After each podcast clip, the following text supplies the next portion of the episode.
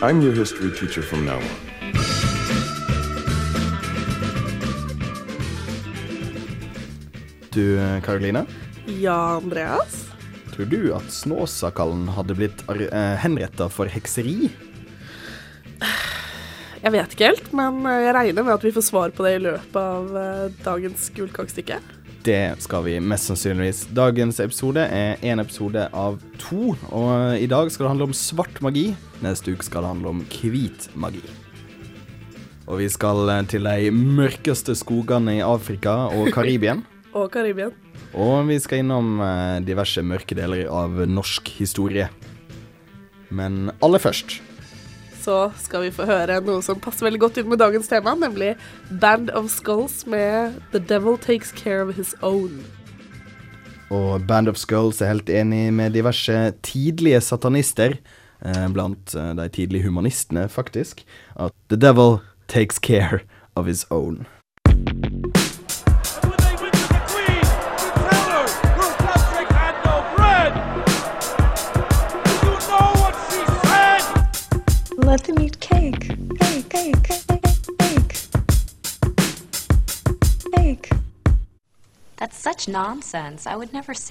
Da skal vi, eh, som nevnt tidligere, til de eh, mørkeste delene av Afrika, men òg en tur innom Karibien.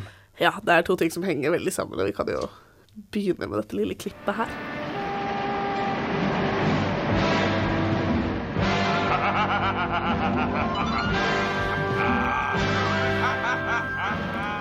For det her er det, det er den mannen du tenker på når du hører om eh, temaet vi, vi skal snakke om i dag. er eh, det som skremte meg som en åtte år gammel jente. Dette er fra James Bond-filmen 'Live and Let Die', og det er Baron Samedi. Den, Baron Samedi, den store voodoo... eh, hva skal jeg kalle han? Baronen? den ja. fantastiske mannen med halvt hvitt og halvt svart ansikt. Og han ser så skummel ut! Yes. Og han er så utrolig kul, syns jeg nå. Da. Jeg synes han var dritskummel. Det var han og Hufsa, liksom. Men det som er litt spennende, det er jo det at eh, for det første, voodoo er jo ikke fra Haiti, som veldig mange tror. Helt korrekt. Det er noe som eh, kommer fra Vest-Afrika, som er en av mine favorittregioner, kan man jo si. Eh, og som dere hører, så kan man jo kanskje tro at jeg har blitt rammet litt av voodoo i dag. Ja, det, det, det høres ut som har fått en aldri så liten sånn forkjølelsesforheks... Uh, Ja. ja, et eller annet Og dette til tross for at jeg har på meg beskyttelsesringen min. Uh, en faktisk uh, juju-beskyttelsesring som jeg fikk i Ghana. Eh, det som er interessant, da, det er at voodoo i, i sin originale form, som ofte kalles voodoo, juju eller fetisj, Fetisj. faktisk, Interessant. det er der det kommer fra. Og det praktiseres fortsatt av 25% av innbyggerne i Benin. En bitte liten stat ved siden av Ghana. Og rundt i dette, disse landene her så har du markeder hvor de selger uh, uttørkede dyrehoder og voodoo-dokker og alt mulig. Ja, for jeg har sett et fint lite bilde av den voodoo-dukka, og, og det ser på en måte ikke ut som de enkle voodoo-dukkene som en gjerne ser i Det er ja, ikke TV de og sånt. filledokkene som man ser på. TV. Det er en, en intrikat utskåret tredokke som er full av små rustne spikere, og den er så sinnssykt creepy, den dokka der. Ja, vi, vi skal ta og legge ut et bilde av den på, på Facebook-sida vår. Den, er, den ser akkurat det, det er på en måte Hvis du tenker deg at du våkner en gang sånn eh, du, du våkner midt på natta, så er det her denne lille rustne spikerdukka det er det du minst vil se i fotenden av senga di i hele verden. Ja. Det er, det er, han, er, han er så skummel som de kommer, syns jeg. Eh, men uh, voodoo, det er jo da tre store eh, grener. Du har haitisk voodoo, som er den mest kjente, for den brukes masse i Hollywood og sånne ting. Ja, for at det er nært USA. Ja, ikke sant. Og med- den har jo da også blitt ført over til Tennessee og Louisiana, ikke sant. um, det er samme greia. Og så har du santeria, som fins på Cuba. Og så har du voodoo eller juju eller fetisj, alt ettersom, i Vest-Afrika. Ja. Som er den originale. Og forskjellen mellom disse tre her er at voodoo, den originale formen, som også kalles for voodoo, som betyr ånder Det er det ordet betyr på EOS, som er et ghanesisk språk.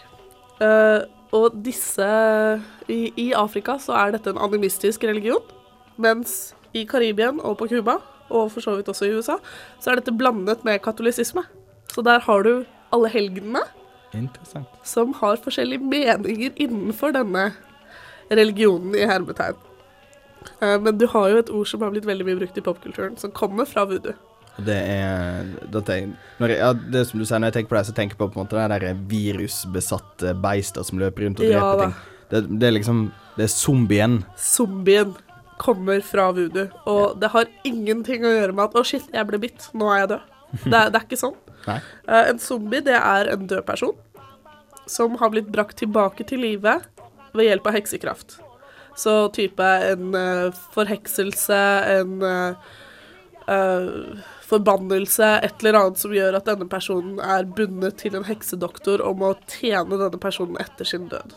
Det, men det har det jo på en måte En kan si mye om heksekraft og på en måte at det er overnaturlig, men det har jo vært eh, beviser på ekte varianter av de zombiene. Det har Og- det. Men da er det mest sannsynligvis en eller annen sånn form for å, at de klarer å aktivisere hjernedøde Ja. med diverse Eh, Det som veldig ofte har vært greia, er at de har noen spesielle typer stoffer, som du sier, som de bruker i noen Medisiner blir feil å si. Uh, I noen uh, Alternativ potions. Potions. Potions. uh, og disse har da som en Det de gjør, er at de bringer folk tilbake til livet, tror de.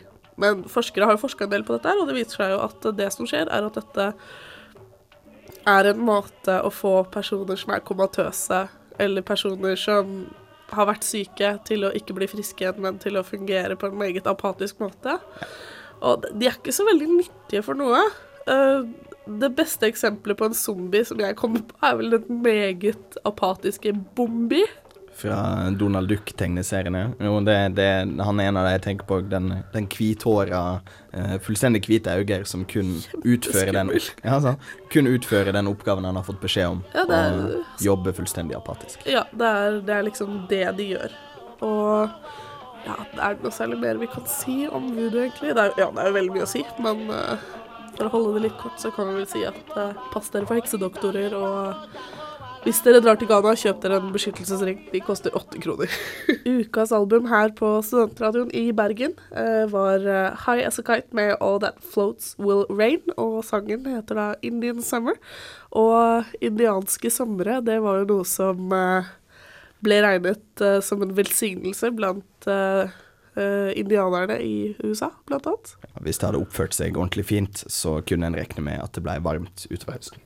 Trådene tilbake til fortiden er helt nødvendig for at man skal kunne utruste seg for fremtiden. Gud, kakestykke! Vi trekker trådene! Da trekker vi trådene og vever garnet helt tilbake til gode gamle Norge. For nå skal vi eh, ta en kikk på den svarte magien her til lands. Ja, det har jo vært eh, det, det er ikke noe som man vet så veldig mye om, men det er én spesiell eh, sak man vet en del om. Ja, for det er en av de En, en hekseanklage mot godeste Anne Pedersdotter, som er en av de best dokumenterte her i landet.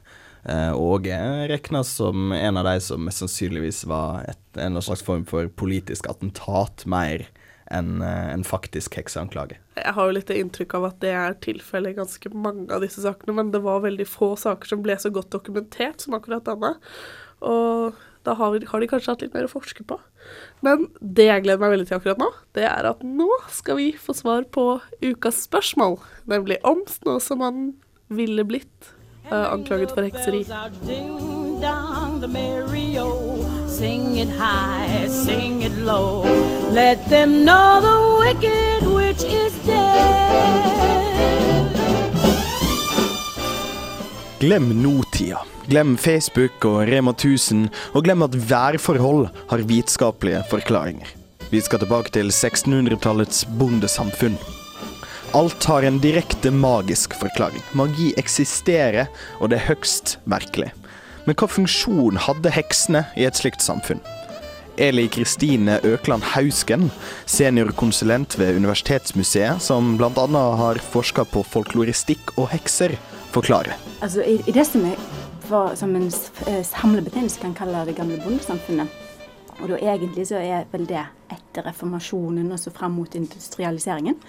Da hadde heksa en ganske klar funksjon hun, hos folk. Hun var en slags sånn her en skrekkskikkelse, en sånn her en eh, fare, en sånn trusselfigur. Og grunnen til at hun var så utrolig farlig, det var at eh, de områdene som heksa ramma, det var de som var helt livsnødvendige for folkene sjøl. Og det var f.eks. Eh, buskapen. Hun ramma mattilførselen. Hun kunne ta oss og ramme eh, familien. Hun kunne kaste sykdom på en. Så alle de områdene som var viktige for folk, de trua heksa. Hvis jeg kan si det, i hvor stor grad hadde de da bevis for at det var ei heks som hadde gjort det? Hvis jeg kan Å, de hadde utrolig masse bevis. For det, eh, her, denne perioden det kan en se, et, De lever jo i et semiotisk univers. Det betyr jo at alt henger sammen. Folk tok tegn og leste tegn alle veier. Så uh, spesielle skyformasjoner hadde betydning. Hvis det tre datt ned foran ei gravid dame, så kunne du risikere at ungen ble født med trefot. sant? Dette her er ei veldig magisk tid, i motsetning til oss. Det vi har nå. Men vi kan ikke helt se at de ikke at de trodde på heksa. Hun var der. Dette var helt reelt. Magi var en del eh, altså hverdagen deres. Så når eh, f.eks. kyrne slutta å melke, så var det jo helt selvsagt at dette skyldtes noe. Og der de da kanskje ikke hadde forklaringer som at eh, at det, det, fôret på slutten av vinteren ikke var så godt og ga så god melk, så visste de at eh, heksa ville jo selvfølgelig ha denne melka. Så hun hadde nok tatt den. Men hva var egentlig regna som svart magi? Etter at kong Kristian 4. etter sigende ble utsatt for ganding, samisk trolldom, på en tur til Vardø i 1599, starta han kampen mot trolldomskunst i Norge. I 1626 utvida han en lov som faren hadde satt i gang. Før så hadde en skilt mellom det så, som en kan kalle for svart magi, da, eller trolldom, og signeri, som liksom var god trolldom, eller for å helbrede sykdom, eller den type ting. Men plutselig så får han en situasjon der all form for magi, eller sånn trolldom, er ulovlig og straffbart. Så, eh, derfor, og, og dette røsker jo selvfølgelig opp i hverdagen til, til folk flest, fordi de, de, det er ikke utenkelig at de fleste hadde en liten formel eller noe sånt, som de f.eks. sa over et sår eller over maten eller noe sånt. Og nå ble alt dette her ulovlig. Ved den tids lovgivning så ville vel på en måte alt mulig sånn som Snåsamannen og alle mulige tarot-kortlesere og sånn, det, det ble jo ulovlig. Mm, Nei. Nei? Det som en ser veldig tydelig, det er at eh, de såkalte kloke I dag så vi kan kalle, klassifisere Snåsamannen som en klok. det, I hvert samfunn så hadde de noe som kunne litt mer enn sitt fader vår, snakket om, sånn, som hadde litt sånn eh, kunnskaper utover det vanlige. Enten så var de medfødte gaver fordi at noe spesielt skjedde rundt fødselen. Kanskje var de født med seiershue, eller at de hadde gått i lære hos noen. Et eller annet sånt spesielt som hadde preget livet deres. Men, men de herrene som de kalte for kloke, de ble ikke tatt som hekser. De beskytta landsbyen eller, eller eh, by, by, folket beskytta dem, for det trengte de. Og de var, de var liksom eh, deres redningsmenn og, og kunnskapsmenn. Kan nok være at de ikke torde å, og anklage dem for Fordi de var redd for noe verre. Jeg vet aldri. Men uh, det som en ser noen steder, det er at de er kloke. De hjelper myndighetene til å finne hekser. Så der ser du at der er det en sånn her en, eh, forskjell i hva ei heks er. For ei heks er bare ond. sant? Hun er, hun er en, en, virkelig en trusselfigur som er ute etter å skade andre. Så en skal ikke se helt vekk fra at vår egen tids Snåsa-kall hadde blitt beskytta av lokalsamfunnet sitt mot myndighetene. Han hadde vært heldig. I Norge er det dokumentert at 307 personer ble henretta for heksekunst, noe som ligger på omtrent samme nivå som våre naboland. Et par av unntakene er Island, der hekseprosessene tydelig ikke var så aktive, med 21 henrettelser, og Tyskland, som tok av og drap 25 000 mennesker i århundrer rundt 1600-tallet. Om lag 80% av de anklaga heksene i Europa på denne tida var kvinner. Men i Norge, og spesielt mot Nordkalotten, var det òg mange mannlige hekseanklager. I de fleste områder med sjamanistiske tradisjoner, som de samiske områdene, er den mannlige overvekta tydeligere.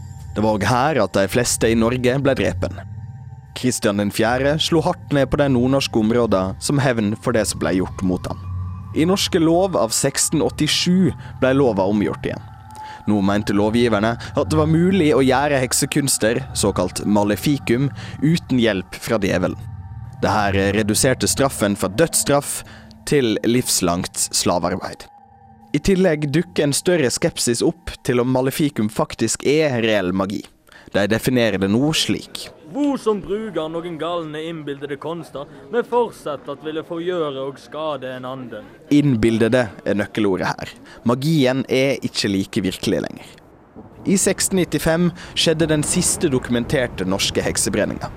Johanne Nilsdotter ble brent på Borkenes i Kvæfjord, mistenkt for å ha forårsaka et dødsuvær som drap flere prominente personer fra området. Verre enn det var det ikke.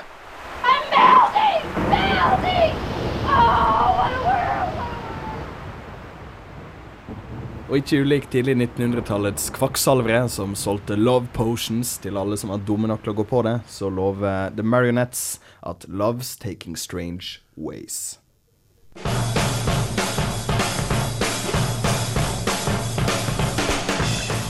Nobody expects the Spanish Inquisition! Gult kakestykke er alltid beredt. Og det var alt vi hadde denne uken i Gult kakestykke. Ja, denne uka handler det om svart magi. Litt sånn eh, stygge, slemme varianten av det. Men neste uke skal vi ha om hvit magi. Da blir det koselig. Ja, det blir litt sånn signeri, som eh, frøken Hauske snakka om eh, i intervjuet tidligere i dag. Ja. Og hvis du mot formodning ikke fikk med deg det, eller har lyst til å høre andre sendinger av Gult kakestykke, eller andre programmer her på Studentradioen i Bergen, så kan du gå innom eh, våre nettsider srib.no. Og der er det veldig mye fint og masse artikler, og der legger vi ut bilde av den skumle voodoo-dokka etter sending. Den der fæle spikerrustne greia. Skummel, skummel. Etter oss så kommer eh, metall og rock og punkprogrammet Fuzz, og det blir en koselig time med dem. Og vår produsent i dag, det har vært Bjørn Bendiksen Leinebø. Her i studio har det vært meg, Andreas Hatslopsvik. Og meg, Karoline Elgesem. Og sammen så sier vi takk for i dag, og ha det bra. bra.